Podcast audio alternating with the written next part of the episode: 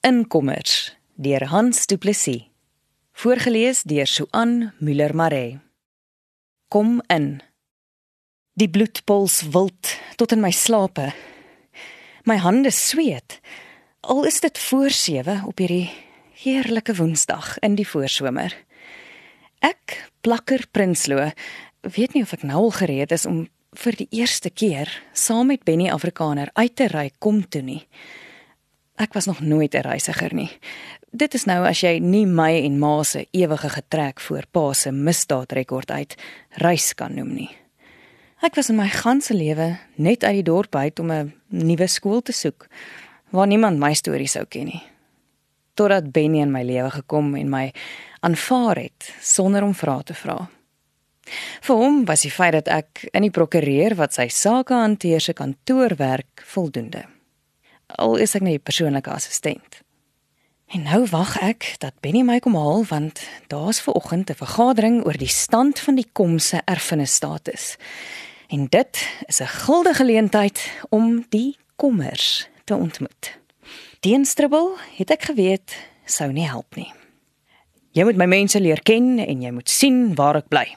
Daar's niks so goed soos 'n boerevergadering om my mense te leer ken, soos wat hulle is nie veral as ons grond op die agenda is. Op vergaderings oor die bewaring van die omgewing praat ons mense met hulle harte, nie met hulle koppe nie. Benny het gegryns en soos 'n gewoonte is my op die voorkop gesoen. Hartlam, jy soek mos 'n roman om te skryf en ek vat jou nou na die storie toe. Hm, hoe sê mens nee vir so 'n uitnodiging? So nou staan ek hier, gespanne en wag op die grysbakkie. En my hart slaan 'n slag oor toe dit om die draai kom en reg langs my stil hou. Is jy reg vir die dag, hartlam? Ek wil die kommers gaan wys dat ek niks bygelieg het oor my blitsliefde nie. Ons ry oos uit die dorp uit. Dit voel vir my of ek vir die eerste keer in my lewe gaan ry tot daar waar die son uit die goud uit opkom. Benny praat nie asof hy verstaan dat ek eers met myself vrede moet maak.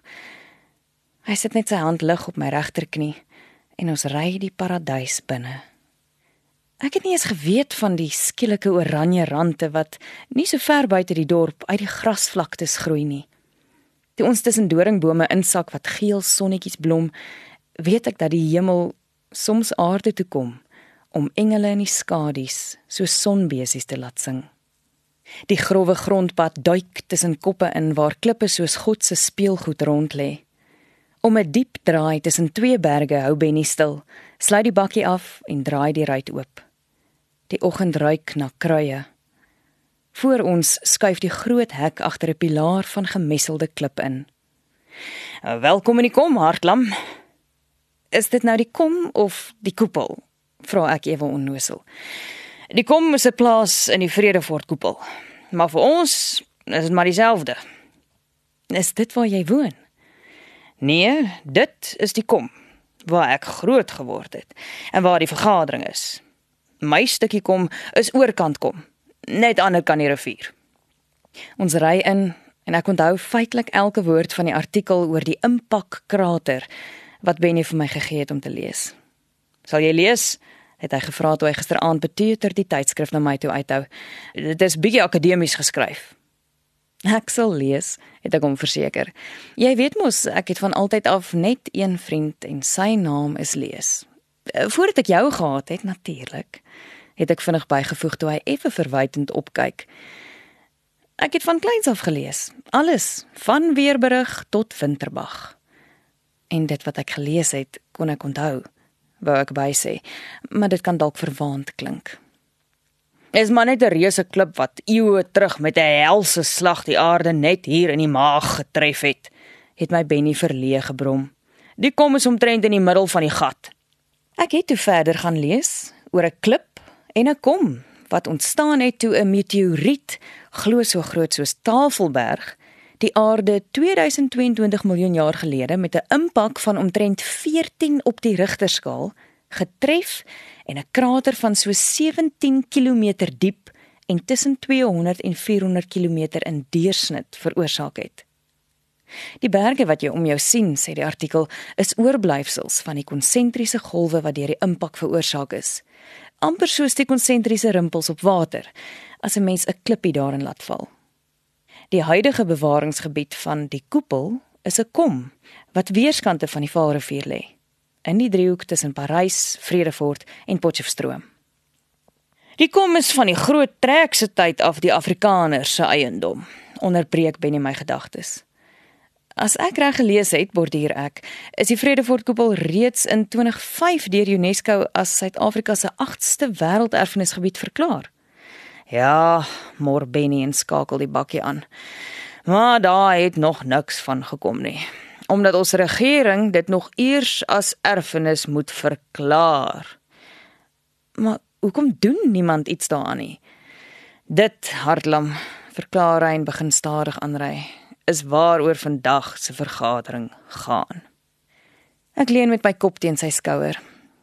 Kan ek nie maar net hier uitklim en vir jou wag nie? Dit is so verskriklik mooi. Hulle wag vir die engel wat ek saambring. Presies waarvoor ek bang is. Die vergadering is in die ou tabakskuur, beduie Benny in die rigting van 'n lang, hoë plankgebou toe ons later onder die bome tussen ander bakkies stilhou. Oorlede Soekie de Wit wou die skuur in 'n gastehuis omskep. Jy sal sien, sy het begin verander, vensters ingesit. Ek sou veel eerder na die groot moderne grasdakhuis wat nader aan die rivier is wou gaan kyk. Maar die vergadering is al amper aan die gang en ek word haastig aan die mense voorgestel. Ek weet darm al wie Benny se ouer broer Johnny en hulle swaar Groot Piet Sommer is. Omdat die twee 'n paar maande gelede saam met Benny by ons kantoor deur ingebars en Benny vir altyd my saai lewe ingestorm het. Ek word voorgestel. Nie dat ek al die ander kommers se name sal kan onthou nie en Benny moet maar onderlangs vir my fluister wie is wie. Die saal is nog meer 'n skuur as wat dit 'n gastehuis is, maar 'n mens kan sien dat iemand besig was om die skuur op te knap. Nie dat ek juis weet hoe 'n tabakskuur behoort te lyk nie. Ek is mos maar 'n dorpsmeisie. Die voorsitter in sy openingsrede oortuig my al daarvan dat dit nie 'n gewone vergadering gaan wees nie. Want hier reg voor ons fluister 'n vrou ongeskik vir Johnny, maar hard genoeg vir almal om te hoor dat Afrikaners vandag weer ons erfgrond vir die heidene gaan weggee. Markie, broer Johnny se gade, fluister Benny vir my terwyl die voorsitter voortgaan asof hy nie Markie se opmerking gehoor het nie en die verteenwoordiger van die departement van omgewing, bosbou en visserye verwelkom. Waarop Groot Piet hier voor my vir Johnny in die ribbespomp en Johnny hardop vra: "Wat soek die man hier? Hy's nie 'n grondeienaar nie." "Sit!" blaf die sekretaresse. "Hy is van die regering." "Ons soek nie die regering hier nie," val Markie weer in. "Hulle wil die boere se grond steel." Markie gaan sit toe Grootpiet weer vir Johnny in die sypor en die op sy beurt sy vrou aan die mou pluk om te gaan sit en die voorsitter rustig voortgaan, klaar blyklik gewoond aan die soort onderbreking in 'n vergadering. Ongestoord verduidelik hy dat dit 'n inligtingvergadering is.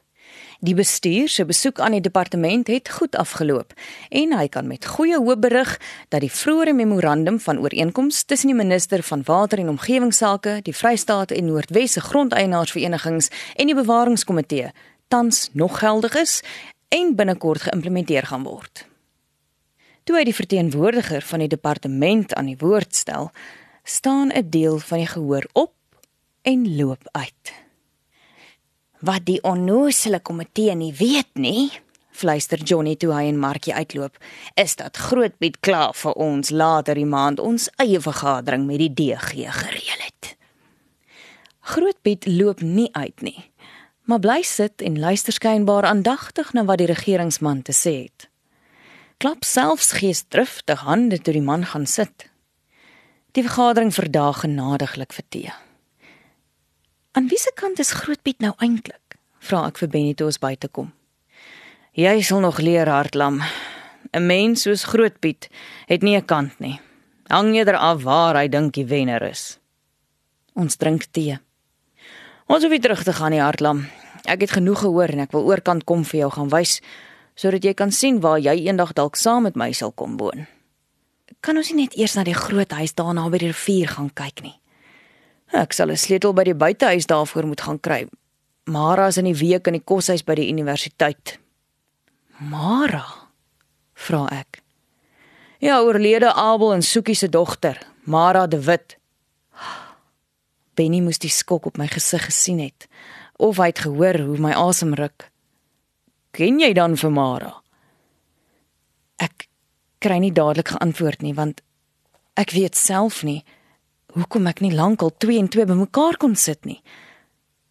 Mara het ek nou eers agtergekom die mens wat 'n droom nodig gehad het om die werklikheid te kon sien. Dit is tog so eenvoudig. Ons droom die werklikheid weg of droom ons dit juis terug? Ek het Mara de Wit op skool vir 'n kort rukkie geken. Antwoord ek uiteindelik Benny se vraag en onthou hoe baie Mara van die kom gepraat het. Maar ek het toe nie gedink ek sou ooit self hier uitkom nie. Vir my was dit fiksie. Nou is ek hier. En ek verwonder my aan die werklikheid. Ja, jy wil mos 'n boek skryf. Hoor ek Benny langs my praat. Skryf oor ons, hartlam.